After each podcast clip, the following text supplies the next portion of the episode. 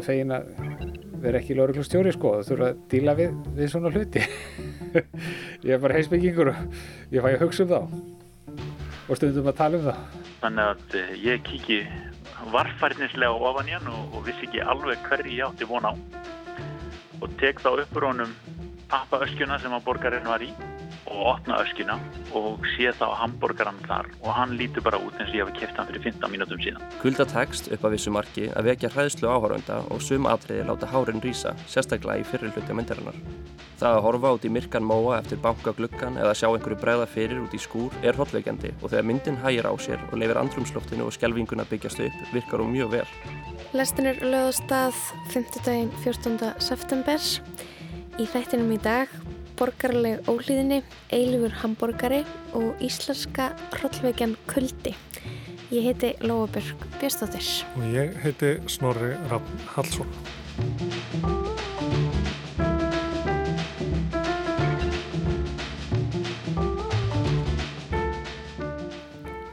Vinsalasta kvikmyndin í bíóhúsum landsins þessa dagana er íslenski sálfræði trillirinn Kuldi. Erlingur Tórótsen leikstýrir og skrifar handrit en myndin byggir á samnemndri spennusögu Irsu Sigurðardóttur.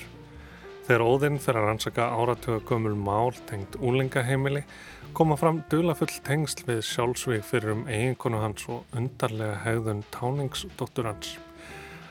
Kolbeinn Rastrik kvikmyndagagrinandi sá myndina á dögunum og flyttur okkur ríni sína hér á eftir. Svo heyrum við síðasta þáttina fjórum í örserju Önnumarsibilar Klausen frá árið 2019 um McDonalds á Íslandi. Það er komin 30 ár síðan að hambúrgarriðsinn opnaði sitt fyrsta útibú hér á landi í skeifunni. 14 ár síðan það síðasta skellt í lás en það er ekki þar með sagt að sögunni ljúki endilega þar. Ég er spenntur að heyra en við byrjum á borgarlegri óhlýðni.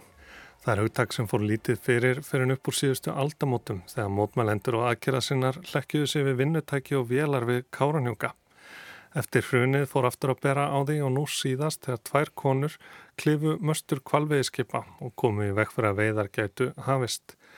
Til að átta mig betur á hugtakinu og sögu þess sem nær allavega 170 ár aftur í tíman þá mælti ég með mót við heimsbygginga og skrifstofa hans í skipholti.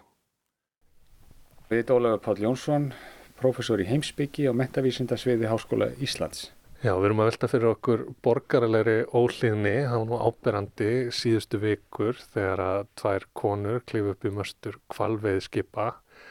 Þetta hefur verið, verið talað um þetta sem borgarleg óhlýðni, en hvað er borgarleg óhlýðni?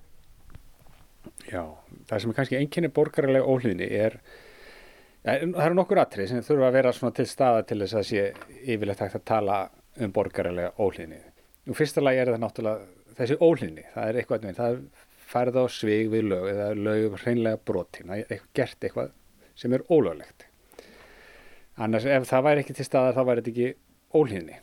Ok, en síðan er spurningi hvað er, er á baku þetta borgarileg óhlýðni og þá hafa mér sagt ég að þú óhlýðnast sko sem borgari, það er að segja að, að þú sem borgarar þá höfum við ákveðna skildur og við berum ábyrð á, á stjórnarháttum ríkisins. Og, og hérna og þá eru við rauninni að fylgja þessum skildum þessum siðfyrirlegu eða pólitísku skildum sem að við metum svo að stangist á við lögin. Þannig að, að það er þá einhvers konar skilda okkar sem borgarar í segjum líðræði samfélagi því líðræði samfélagi sem við erum í að augra lögunum eða gera eitthvað sem að er fyrir bága við, við lögin.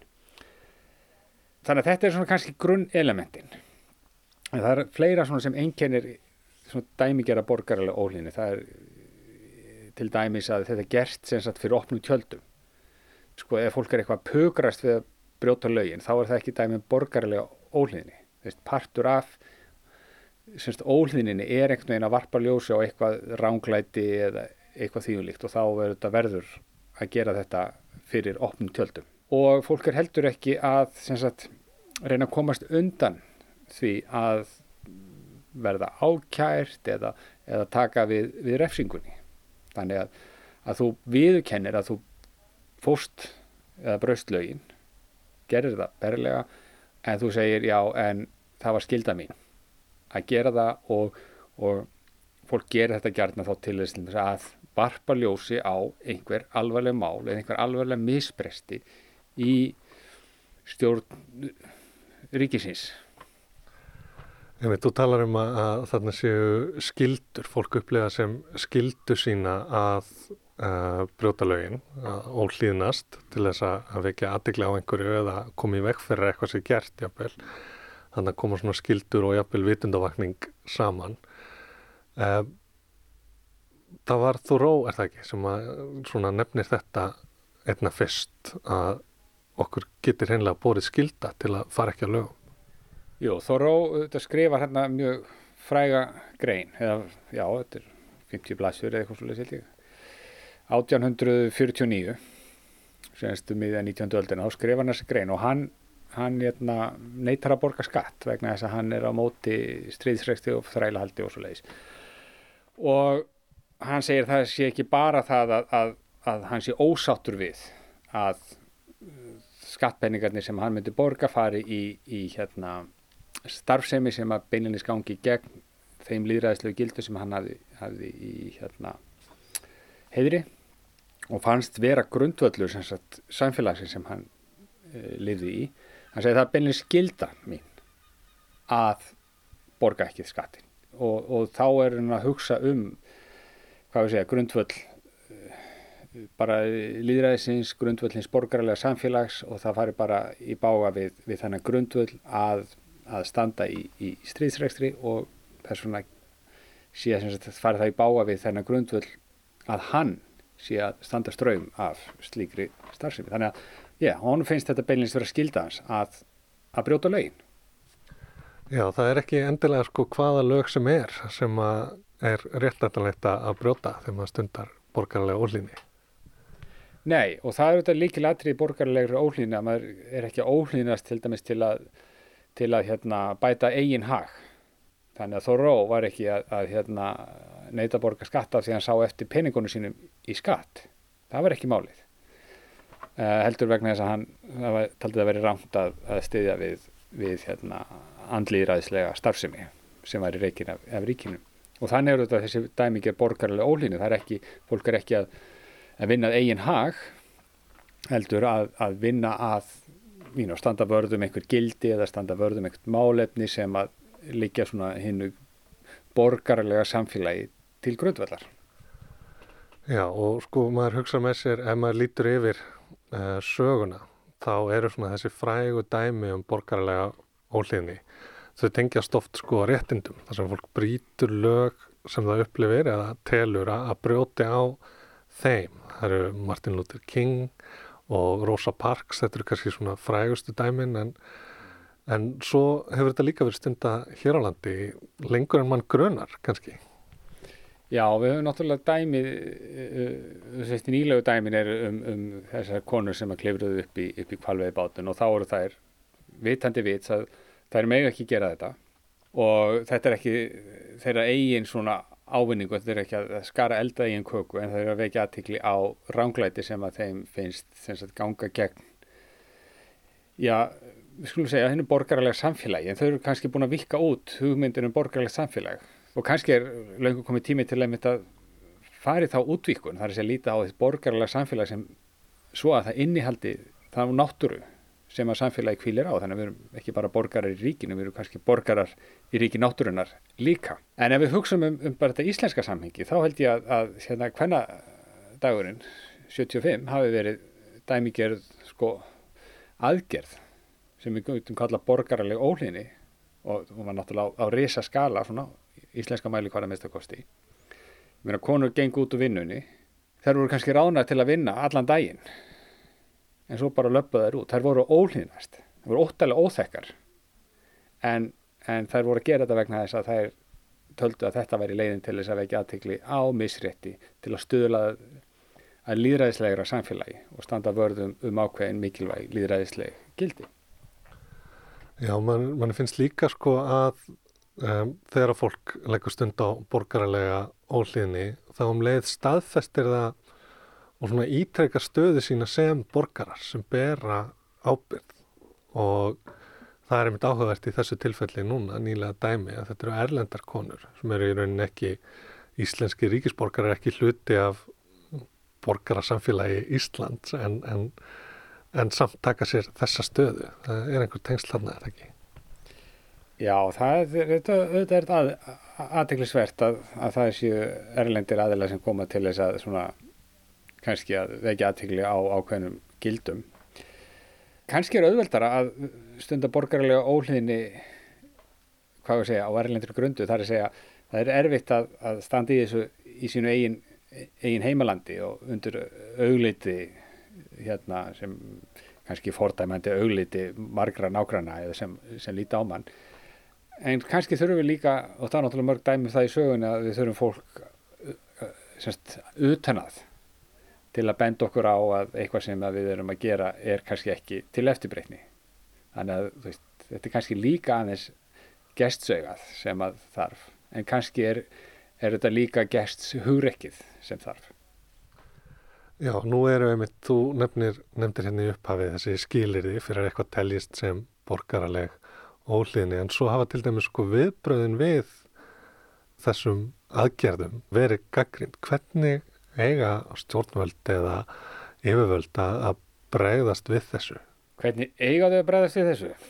Sko, ég held að borgaralega óhlýðni, hún setur stjórnvöld alltaf í daldið erfiða stöðu vegna þess að stjórnvöld eru með, það eru þau sem setja lögin og reglunar sem verður að brjóta það eru þau sem skilgreina hvað er leifilegt og hvað er ekki leifilegt og svo kemur einhver og segir heyrðu fyrirgefði það sem þeir eru búin að skilgreina sem leifilegt ætti ekki að vera leifilegt eða það sem þeir hefur skilgreint sem óleifilegt ætti að vera leifilegt sko og stjórnvöld þannig séð við sem nátt neyðast til þess að taka á hlutunum sem lögbroti því að þetta er lögbrot en þetta er lögbrot sem er ólíkt flestum venjulegum lögbrotum vegna þess að þetta eru lögbrot sem er ekki stundað til eigin ávinnings Þetta er ekki eins og venjuleg skatta undanskot. Þetta er ekki eins og maður fer yfir á rauðu ljósi að því að maður er að flýta sér og heldur að maður sé svo mikilvægur maður þarf að koma á réttum tíma eða maður hnuplar einhverju búð. Það er bara til þess að fyrir maður segin ávinning. Þannig að ég held að, held að sko stjórnvöld og dómskerfið ætti að það, það er náttúrulega viðkenna það að borgarlega óhlýðni er sko mjög mikilvægur þáttur í því að þróa líðræðið sko, í líðræðsríki það er sífælt í þróun lög og reglur eru sífælt sko við erum sífælt að færa til mörg þess sem er eðlilegt og þess sem er ekki eðlilegt, þess sem er leifilegt og þess sem er ekki leifilegt, þess sem er æskilegt og þess sem er ekki æskilegt. Við erum stöðut að reyna að finna hvar þessi mörg eru og þau eru stöðut að færast til. Við skoðum bara söguna og þurfum ekki að fara langt aftur að sjá við það er bara mjög margt sem hefur færst mjög mikið til. En, en til þess að færa þessi mörg þá þarf ofta að fara yfir þau og það er það sem borgarlega óhlýðni gerir. Hún fær yfir mörkin til þess að draga fram hvar þessi mörk eru eða hversu ósangjörðu eru eða, eða hversu yfirgengilega heimskuleg jáfnvel þau eru. Veist, og það, það sem að Rosa Parks gerir í, í hérna, Montgomery, Alabama er að uh, hún bendir á hversu fáranleg þessi mörk með keinþáttana voru Þannig að, að líðræðisriki sem að tekur hér líðræðislega gildi alvarlega, ég held að það hljóti alltaf að taka mildilega á borgarilegri óhlýðni. Já, mér finnst það til dæmis byrtast þarna, sko, ef að viðkomandi hefði verið í höfustöðum kvals EHF, sem sagt komið sér fyrir þar, það sem það mátt ekki vera, það hefur verið handteknar undir eins og bara færðar út með valdi en þarna er eins og sko lauruglan veit ekki alveg hvað hann er að gera veit ekki hversu hart hún má svara og svona leifir þeim að vera þarna en reynir bara að þreita þær og, og, og svona einhvern veginn. Já þetta er einhver, einhver mildi en samt harka um leið. Sko borgarlega óhlýni er, er í rauninni tákgræn aðtöfn og gildi hennar fælst í því svona hennu tákgræna gildi venjuleg lögbrot er ekki, ekki þannig tákra natur, venjuleg lögbrot eru bara fólk er að reyna að, að svona skara eldað eigin kvöku og pugrast með það, en borgarlega óhrinni er svona tákra natur og þegar að fólk fer gegn valdinu þá er þetta viðbröðin sko, þau geta magnað upp þið tákrana gildi eða þau geta svona tónaða niður. Og, og lögreglan eru þetta oft í, oft í voðalega, voðalegri klemmu sko því að þvist, eins og þessu tilviki því harkalega sem gengur fram því svona meira tákræn gildi ha, hefur aðtöndin sko. Ég hef voðið fegin að vera ekki lauruglustjóri sko og þurfa að díla við, við svona hluti. Ég er bara heisbyggingur og ég fæ að hugsa um þá. Og stundum að tala um þá. Okkur að, sko, ég held að sé þetta rosa óþægilegt að sko verða fyrir einhverju sem að eða þurfa að takast á við eitthvað sem er ekki hættulegt fer ekki gegn sko almanahagsmunum eða einhvern veginn stafar ógn af þetta veldur enga fyrirtæki óþægindum, jafnvel fjáraslegum skada svo lengi sem það eru þarna en ekki lengur en það þannig að það er svona veist, það verður rosa skrítil með því að sko grýpa inn í þá er lauruglan svo skýrt að standa vörðum sko engahagsmunni tiltekina aðila en ekki sko réttindi borgara til að mótmæla eða jafnvel réttindi sko kvala sem borgara er ekki náttúrunar. Þetta lítur að vera svolítið flókið. Já, þetta er flókið sem sagt sko það er reyndar aðtilsvæmst að hugsa eins um, um, um lauruglan í þessu samingi af því að í líðræðis samfélagi þá er það yfirvaldið sem hefur enga leifi á valdbeitingu. Við stofnum lauruglu og lauruglan er í rauninu farvegur fyrir þessa valdbeitingu. Eða við getum alveg sagt bara að beita ofbeldið, meina laurugla þarf ofta að beita ofbeldið þegar hann tekur einhvern þá þarf hann að fara með valdi. Yfirbúða mannesku færa fangils og þetta er auðvitað heilmikið ofbeldið þarna. Þannig að lauruglan er alltaf í þessari stöðu að, að hún er aðilin sem hefur enga leifi á því að beita ofbeldi, segjum það bara. Borgarlóðlín, hún varðar stundum sagt, mörg valdbeitingar og þá er lauruglan að alveg svo, kannski í svona tveins konar stöðu, svo hún er annars vegar sá sem að beitir valdun en, en hún er líka samt, kannski óbeint, sá sem að mótmælum beina stað. Síðan er þetta, er þetta, þetta líka eins og ég segjum í þessu tilviki að eins og þú það sem að konurna klifur upp í, upp í hérna kvalveðibátana. Við höfum rétt á að mótmæla. En kvalur hefur líka rétt á að, að hérna, veist, hann hefur yfiráð yfir þessu skipum og veist, þannig að er, eru augljóslega komnar inn á svæði sem er á yfiráðsvæði einhvers annars, þannig að, veist, það er, þar liggur náttúrulega lögbroti, sko. En við höfum þannig svona tveins konar gildi sem skipta máli. Rétturinn til að mótmæla og rétturinn til að fá að ráða yfir sínum eigin eignum ekki satt? Ef við hugsaum um annars konar mótmæli þess mótmæli út á hérna handtöku borgaraverlendum uppruna eða brottvísinu þeirra til dæmis mótmæli sem voru fyrir nokkrum árum fyrir framann alþingishúsið að þá stangast á sem sagt rétturinn til að mótmæla og rétturinn til að hafa hérna óhindraðan aðganga alþingishúsinu eða eitthvað svo leiðis og, og svo auðvitað líka réttur laurugluna til að sinna sínu starfi. Og þarna auðvitað flækist þetta allt saman. En sko það sem ég held að sé kannski líkil atrið er að við erum að, við erum að hugsa svona hlutis í samhengi ekki bara við lögin sem eru gildi í landinu heldur við erum að hugsa í samhengi við hinn líðræðislu gildi sem er lögin eiga, einhvern veginn að, að endurspegla og kannski hugssjónum mannréttindi, hugssjónum um kannski réttindi náttúrunar uh, og, og annað slíkt. Þannig að já, þessi dæmi verða, ég held að þessi dæmi séu aldrei klift og skori. Þau eru flókin vegna þess að, að, að lögmætir hagsmunir, ef svo maður segja, stangast á. Það er ekki bara að það er illa og hefur góða sé að takast, takast á, það stangist á. Nei, það er vissanátt hið góða og hið góða sem stangast á í tiltöngum kringustæðin og, og, hérna, og þá verður einhvern veginn að breyðast við því Já, þetta er kannski varst bara ljósi á það eins og segir sko að lögin eigi að endur spekla einhver gildi. Og okkur hætti kannski til að hugsa sko lögin sem heið aðsta en, en auðvitað spretta þau ekki úr tómi. Við þurfum að endur skoða og höfum endur skoða mörg lög uh, varðandi hluti sem að sko okkur þykir sjálfs, sjálfsæðir í dag. En, en voru það alls ekki sko. En er þá borgarlega ólíðning kannski mjögulega að magna upp þessa spennu sína fram á hvernig lögin geta verið ofullkominn og, og draga fram hvernig einmitt, hitt góða og hitt góða getur stangast á.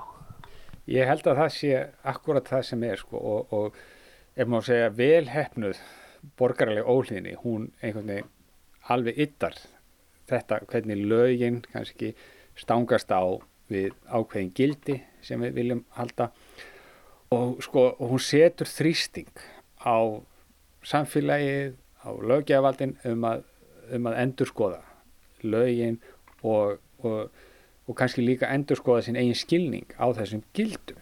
Því að þessi gildir flókin og við höfum ekkert bara skilið þau svona einhvern veginn eitt skipti fyrir öll, við höfum stöðugt að vera skilja þau upp og nýtt, tólka þau upp og nýtt. Og, og til að sjá nýjar hliðar á þessum gildum þá þurfum við einmitt oft eins og segja að fara yfir strikið. Ef fólk heldur sér alltaf á móttunni þá breytist það lítið. Til þess að reyfa við hlutum þá þarf ofta að fara yfir strikið. Og það er það sem hérna, enginni borgarilega óhlýðni. En aftur þá fer fólk yfir strikið á þann hátt að það heldur í heiðri hinn mikilvægi gildi. Þess vegna eru borgarlega óhliðinni alltaf friðsam uh, stofnar ekki öðrum í hættu. Uh, veldur ekki sko veldur, segja, veldur ekki miklu tjóni eins og í tilviki hérna hvals á ef þá er þetta kannski einhvers konar fjárhanslegt tjón ef komast ekki úr höfn alveg strax eða þegar fólk var að hérna hlekkja sig við vinnuvelar upp í Káranhjúka sem var einmitt dæmum borgarlega ólíðinni þá auðvitað tafði það verkið, það er eitthvað svona fjárhanslegt tjón en, ja, en hérna sem að fólk sem endar svo með að vera dæmt til að greiða í, í, fyrir domstólum, ég veit það ekki en það er svona léttvægt sko miða við, við hinn líðræðislu gildi og það sem er í húfi Já, látu það bara vera að loka orðin. Kæra þakki fyrir að bjóða mér hérna á skrifstofunni hérna Ólaður Pall. Já, takk fyrir komina.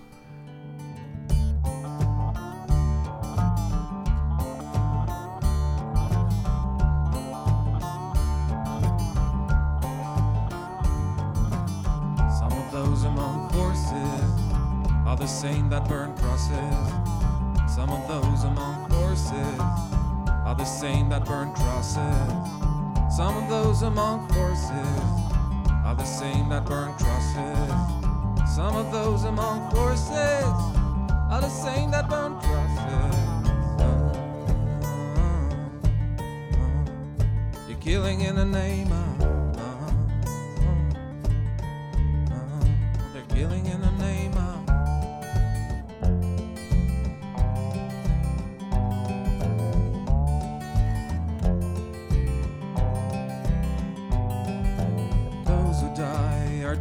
justified by wearing the badge of the chosen white. Justify those who die by wearing the badge of the chosen white.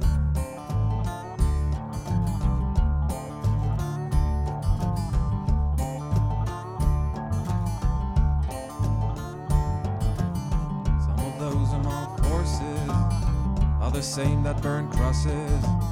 Some of those among forces are the same that burn crosses.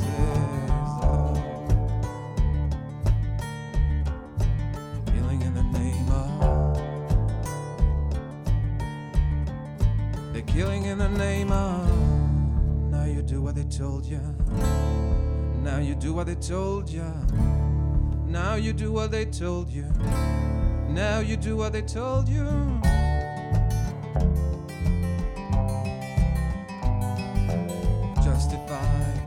Who die by wearing the badge of the chosen whites. Those who die are justified by wearing the badge of the chosen whites. Justify those who die by wearing the badge of the chosen whites.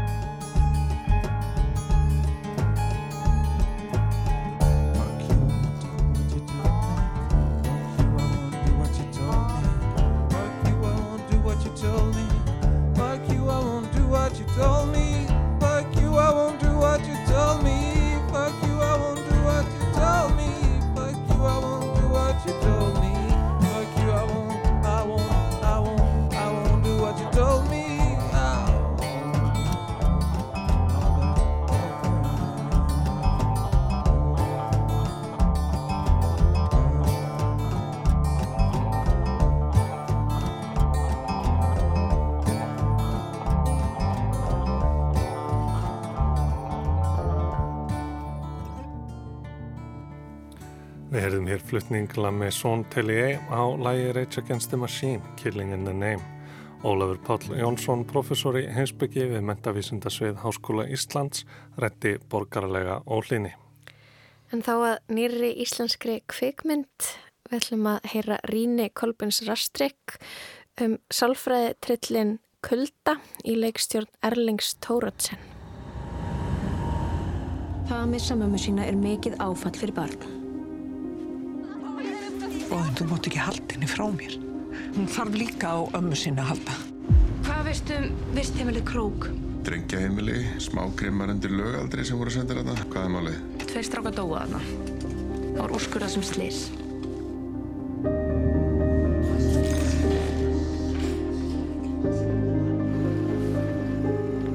Þessi strákar, þeir voru sendir þarna fyrir að lendi einum með einum slag og fengu hvað? Dauðadóm. Viltu vera káðan í þetta? Ekki hafa á að gera mér. Ég tekit ekki með mig heim. Kuldi er þriðja mynd Erlings Thorotsen í fullri lengd en fyrri myndir hans, Child Eater og Rökkur voru einni hryllingsmyndir. Myndin er byggð á samnemndri bók Irsu Siguradóttir sem kom út hjá Veröld árið 2012 og er önnur bók Irsu sem er aðlöðu stóratjaldinu.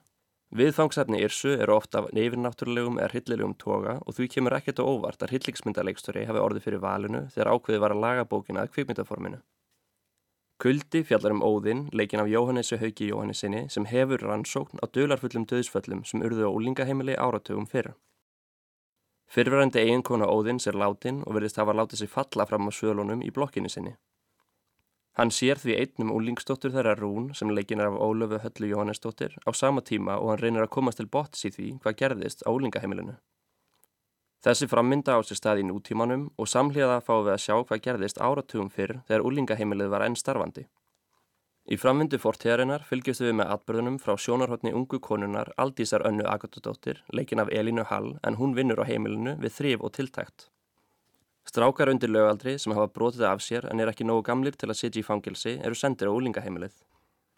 Lilja og Veigar, Salma Björns og Björn Stefánsson reka heimilið með harðri hendi og andrúslottið þar er síður en svo upplýfgandi eða uppbyggjandi. Ekki bætir úr fyrir Aldísi að óhugnaleg vera verist ásækjana.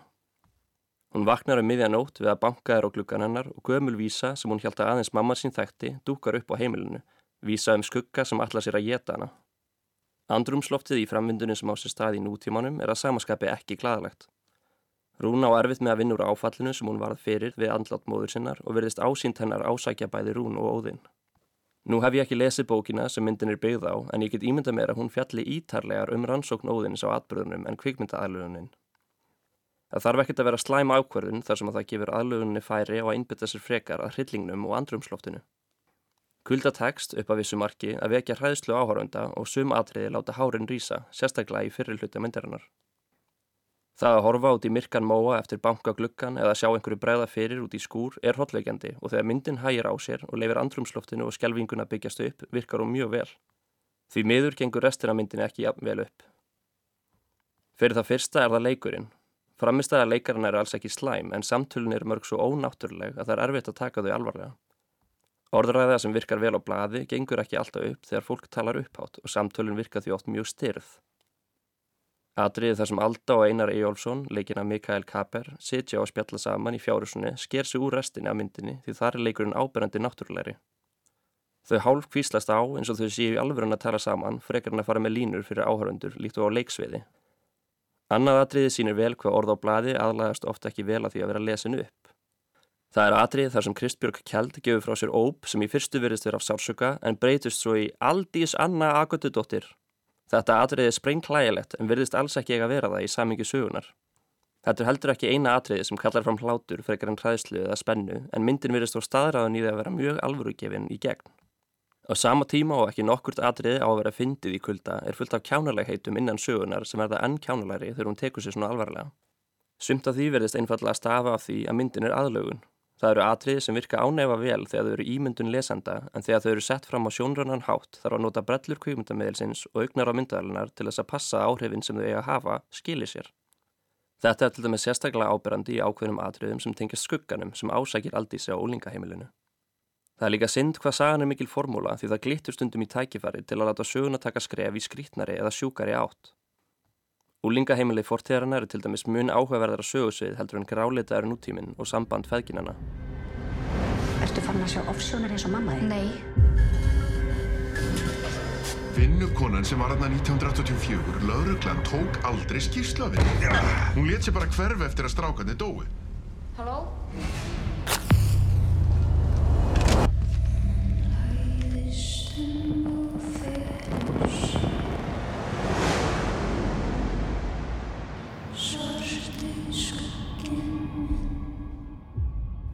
Selma Björns og karakter hennar Lilja er virkilega skemmtileg persóna og baksaga hennar sem var vist diffguð fyrir myndina hefði geta fengið mun meiri fókus á samt undarlega manninum hennar veigari forstuðumanni hefilisins. Það er kerfisbundið alið á óta Íslandinga við tröll, vætti og andlit á glukka frá barsaldri svo það hefði verið virkilega áhugavert að einblýna meira á hryllingin sem fylgir því að vera algjörlega einangruð ólingaheimili út í sveit þar sem snarruglað par ræður ríkjum. Kulda tekst á vel að undirbyggja þá kröppu beigju sem myndin tekur í lokin. Atriði sem á undan koma, sérstaklega þau sem snúaði rún, eru sett í annað samingi þegar hulunni er svift af dularfullum atbyrðum sögunar og það er sérstaklega gaman að lesa myndina í því nýja ljósi sem endurinn varpar á hana. Það sama gildir þó í tilfelli nútímans og fortíðarinnar að það var gaman að sjá meiri dýft í sögunni. Rannsókn Óðins á ólingaheimilinu var til dæmis eftir að gera mun áhugaverðari með því að fara nánar út í það hvernig hann kemst að upplýsingum um þessi dularfullu döðsföll í stað þess að sína hann bara stundum sitjandi með gömul dagblöði kringum sig áður hann ríkur út að taka viðtöl við fólkið sem passar að hann tali við innan framvindunar. Vandamálið fælst í því að það verða að segja tvær sögur samhliða sem ganga kannski upp í 300 blæðsina bók en eru allt á samþjappaðar í 90 mínuna bíómynd. Hvorug sagan fara að njóta sín og við það verður mjög augljósara hvernig atrið eru sett saman einungist til þess að þjóna framvöndinni frekar en til dæmis að rannsóknin vindi náttúrulega upp á sig. Það sem er áhugaverðast og kulda er þó viðfangin sem hún velur til þess að knýja áfram hryllingin. Það er oft talað um að hryllingsmyndir endur spekli óta samfélags hvers tíma og í tilfelli kulda virðist að vera ótið samfélagsins við ungmenni sem ræður ríkjum. Innan söguheimsins eru það börn og ungmenni sem valda óta nýfætt upp í 18 ára. Í fréttum raunveruleikans heyrum við á ungmennum sem fara um á rafskútum, vopnum, nýfum og hrella hiðverða borgara og verðist komandi kynslu þessa lands ætla sér að leiða samfélagi til glötunar. Kuldi drefur þessa staðhæfingar ekki í Eva heldur veltir því fyrir sér hvort þetta get ekki bara staðist. Börn myndarinnar afsann allavega ekki þessa kenningu. Aftur þá hefði verið virkilega skemmtilegt ef myndin hefði farið lengra með þessar hugmyndir um börn sem holdtekningu ílskunnar en kuldi næri ekki að brútast út úr þessari hefðbunni hrollveikju kvikmynda aðlugun sem hún er föst í. Það er nefnilega margt sem virkar í kulda og hún gengur upp af vissumarki sem venjubundin aðlögun. Starsta vandamáli er bara það að það glittir í svo margt sem var hægt að fara lengra með eftir áhugaverðari slóðum. Þú ert bara vanda, málaðinn en ekki að leysa þig Svo leið mér að anda smá, ég þarf að breyta til Það var einn faldar þá, nú er það þreytandi Veit að ég fann það þá en ég var ekki leitandi. Þú fær bara eitt síntal, ég get ekki chase a bitch. Það er ekki kennu mig Samt er ég reysandi Sáu að mig ekki því ég gerir það bila að reyna að leika mig. Alltaf um penni það er bara ég, það bara make a shit Reyna að finna ekki fyrir neina svo ég er að þóra íkjandi Ef að ég spila ekki leikina með mér nú reyna að playa mig. Nær ekki playa, get ekki neyta, ég er svona já Hvað á ég að segja, við hvað ég minna, að sína eitthvað ás. Býstu ég varst eða það er mér leið Með þetta á mig það er everyday Strákunni passið kannski case. Ég mun ekki býða ekki fyrir neitt Ef einhver tíma veit ég enda einn. Ég þarf ekki að útskýra neitt fyrir þeim Langar að gera það til ég Langar að gera það til bara vanda málaðinn en ekki að leysa þig. Svo leið mér að anda smá Ég þarf að breyta til. Það var einn faldar þá, nú er það þreytandi. Veit að ég fann það þá en ég var ekki leitandi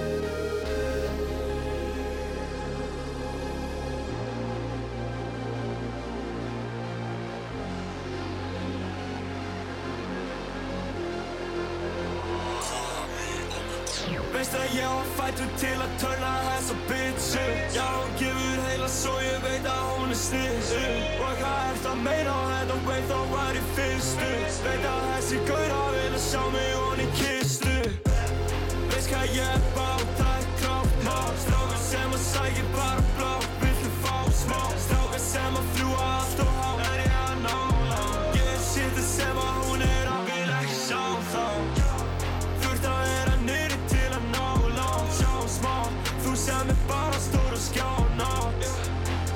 það væri sjón að sjá sá. Búin að fá að borga alveg síðan ég var átján. Við farum frá. Einan sem að ég sjátt blá Þetta er á látt Þú veist ég lætt hann að segja wow. Þú ert bara að banda mála en enn ekki að leysa þig. Þú leið mér að anda smá og ég þarf að breyta til. Það var einn fann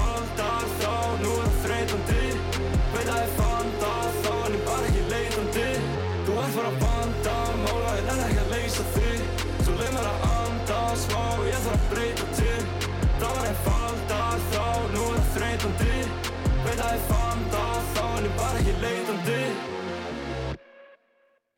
Lægið Anda smá með íslenska rapparanum Issa, nýtt lag frá honum. Þar á undan var það hann Kolbjörn Rastrik sem fjallaði um myndina Kulda. En við ætlum að fara úr kveikmyndunum yfir í Hamburgarna. Já, við ljúkum lestinni þessa vikuna á síðasta þætti önnum Marsebilar Klausen um McDonalds á Íslandi. Þættinir heita Mac Blessi Ísland og voru fyrst á dagskráðarið 2019. Í gegnum örseríu þessa höfum við reglulega hýrt af hugmyndum og rannsóknum mannfræðingsins Kristínar Loftsdóttur um þá sögu sem Res og Fall McDonalds segir okkur hvernig ein skyndibíðakeðja gatt orðið að táknmynd nýfrjálshygjunar, alþjóðavæðingarinnar, bankarhunsins. Í dag, 5. daginn 31. november 2019 eru nákvæmlega tíu ár frá síðasta starfstegi McDonalds á Íslandi og margur myndi ætla að þar með væri sagan öll. Svo er þó ekki.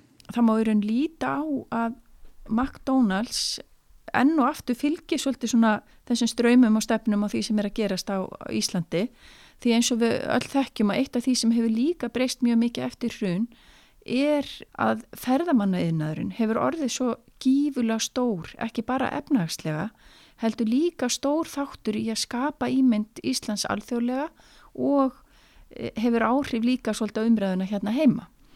Og í því samengi fannst mér mjög forvitilegt að sjá að einhver hafi gengt sinn McDonalds sem hann kefti hérna í lunguröðunni 2009 og gaf hann til uh, hótels og þar er hann geimtur undir svona gler hjúp fyrir ferðamann til að skoða. Mér finnst þetta að vera svona tákrand fyrir nýja stöðu Íslands í gegnum ímyndi ferðamannaðinarins.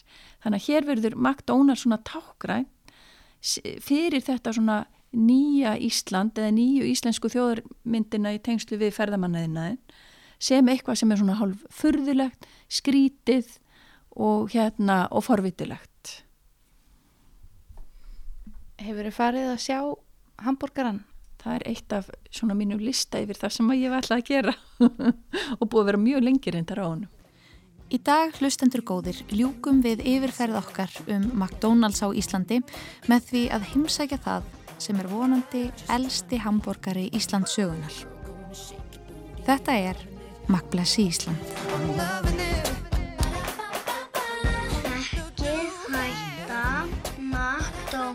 Ekki staðist freystingar. Og stjórnumáltið, Mattís. Þetta hefur svona verið ákveðin gravreitur fyrir alþjóðlega skyndibjörnkeður. Mattís. Mattægin. McDonalds.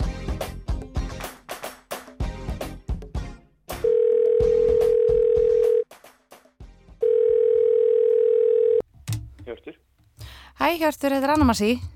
Hæ, hæ. Áður en við leggjum upp í leit að síðasta íslenska McDonalds borgarnum ringjum við til Danmörkur í Hjört Smárasson. Fyrir sléttum áratug rendi hann við á McDonalds við Suðurlandsbröð, kipti ostborgara og einn skamt af frönskum. Og ég var reynin ekkert búin að hugsa hvað ég ætlaði að gera við þetta en, en ég hugsaði með mér að það getur orðið minjagripur síðar og ég hafði líka heyrt að McDonalds hamburgar rótnuði ekki þannig að mér fannst gaman að prófa og sjá hvort að það væri rétt og satt og hvort það ætti við um íslensku hamburgarana líka. Þannig að ég fór heim og ég laði henni upp á hillu í bílskurnum mínum og svo bara pældi ég ekkert meir í honum. Þremur árum síðar var Hjörtur að undirbúa flutninga þegar hann rakst á brevpokan í bílskurnum sínum. Þannig að ég kíki varfærnislega ofan hann og, og vissi ekki alveg hverju ég átti von á og tek þá uppur honum pappaöskjuna sem að borgarinn var í og opna öskina og sé þá hambúrgaran þar og hann lítur bara út eins og ég hef kæft hann fyrir 15 mínútum síðan. Hjörtur velti því mikið fyrir sér hvað hann ætti að gera við hambúrgaran. Ég get eiginlega ekki tekið með mig til Danmarkur. Það meikaði ekki sens. Það er líka McDonalds í Danmarku, þannig að ég bara gett með nýjan þar. Uh, jú, jú. Hann á líka eiginlega heima á Íslandi, þetta er svona síðasti hambúrgarinn á Íslandi, McDonalds hambúrgarinn. Hann var eiginlega orðin sögulegur gripur. Já, hvað gerir maður við sögulega gripi? Nú, setur það á sapnema hvað? Ég ringdi í þjóðminnarsafnið og spurði hvort að þeir vildu fá hambúrgaran og uh, þau sögðu já takk. Þannig að hann fór á þjóðminnarsafnið og þar var hann í ár. Hambúrgarinn kom þó aldrei fyrir augu sapngesta. Að árinu liðnu kom danskur sérfræðingur að meta nýjustu gripisapsins en honu þótti með öllu ótækt að sapnið geimti borgara.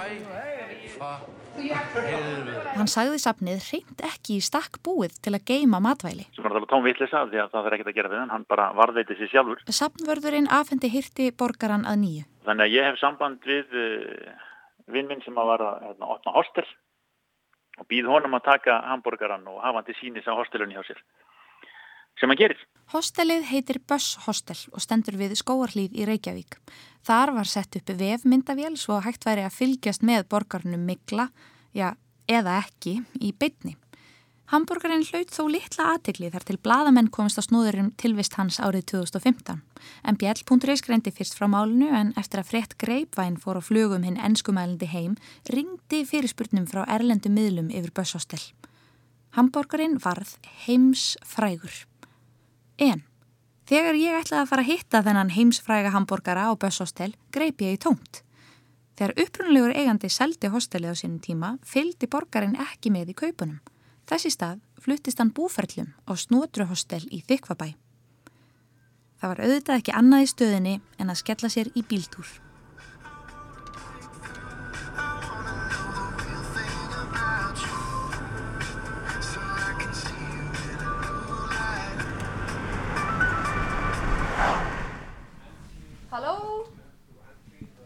Daginn. Á Snótru hostel hitti ég fyrir Sigurð Smára Gilvason, eiganda hostelsins og á litlum skeng, inn í litlum glerskáp ofan á hekluðum dúk fann ég hambúrgaran. Vá, hann er svo heilegur. Það lítur ótrúlega flottur út og frönskutan verður sér eins og sko, það, það væri, það eru meiri sér svona líta þannig út að þú getur alveg, sko, þetta er svo daginn eftir franskur er það ekki? Það er eiginlega þannig svona, já, já það er svona aðeins þorna Kanski tvekja Já, akkurat, já. það er ekki mikið meira en það. Hamburgerinn er aðeins minnagirnilegur en samt svona, það er eiginlega bara eins og hann sé svolítið kramin Já, og svona en sko og hann lítur út fyrir að vera kannski svona bara, hvað heldur þau, viku gammal eða tveggja viknum gammal Já, ef ég fyndi þetta í bílnum hjá mér myndi ég hugsa, oh, glimti ég hambúrgara fyrir viku síðan. En þú sér það sér eiginlega beina á sko umbúðunum á pappirnum, sko, öskin utan um frönskunar, sko. Hún er orðin upplitið og ljót en, en, en frönskunar, sko, eru... Haldast góðar. Haldast góðar, já, já. Og saman með borgaran greið að svona upplitaðar umbúður en, en hann lítur svona semi-girnilega út, sko girtilegt er kannski full stert lýsingarorð en ok. Í því samhengi má reyndar nefna að það hefur gringað aðeins á franskunum. Býræfnir gestir Bösshostel voru víst nokkuð duglegir við að stelast til að smakka. Sko, nú er þetta tíu ára gamal hambúrgari og já það var kannski fyndið að geiman fyrst en í þessum flutningum kom ekki til greina bara hendunum. Nei, það kvarlaði ekki að neinum sko, enda hann er enda orðin heimsfrægur. Eins og ég sagði. Þetta fór bara út um allt og ekki bara sko hinn ensk, ensku mælandi heim heldur sko getur fundið greinar um þetta í Japan út um alla Asju eiginlega bara hvar sem er sko. Þannig að hann fekk sko miljónir sko í áhorf borgarinn á þessum tíma og það, hann er enþá með með tölvöld mikið áhorf. Og, og hérna fólk með þessi hafði samband við okkur sko, sem fylgist með honum sko bara reglulega og einhvern tíman kom það fyrir að hann myndavelin dætt niður þannig að það var einhver fjölskylda í bandreikin sem hafði samband við okkur að það væri gett að horfa hann að þetta væri sko eiginlega fjölskyldu skyldu áhorfa á hverjum degi til, sko þetta var svona partur af uppeldi þeirra fjölskyldu að þetta væri ekki holl matvæli eða þetta væri ekki gott til, gott til átu þannig að, hérna, þannig að þetta var svona notað sem dæmi um það hvað ætti ekki að borða Það víti til varnar. Já, víti til varnar. Þannig að hann er frægur, þannig að það hefur náttúrulega ekki komið til greina hendunum, sko. Þannig, hérna, að við ætlum að geima hann hér bara um ókomin ár. Bara svona sjálfstætt rannsóknarverkefni að verða líka bara hvað, hvernig það lítur út eftir annur tíu ár. Líklega ætti ég að reyna að ljúka þessari örseríu með því að segja eitthvað gáðulegt, eitthvað sem að fangar þessa stemmingu sem við höfum byggt upp hér síðustu daga það sem McDonalds þýtti en í rauninni er bara eitt í stöðinni Hann er tí ár í dag, hann er tí ár í dag, hann er tí áran McDonalds hambúrgari. Hann er tí ár í dag.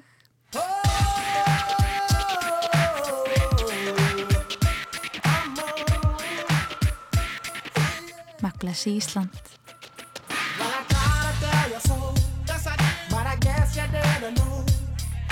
I said a story goes. Baby, now I got the I know it from the start. Baby, when you broke my heart, that I to show you that I'd.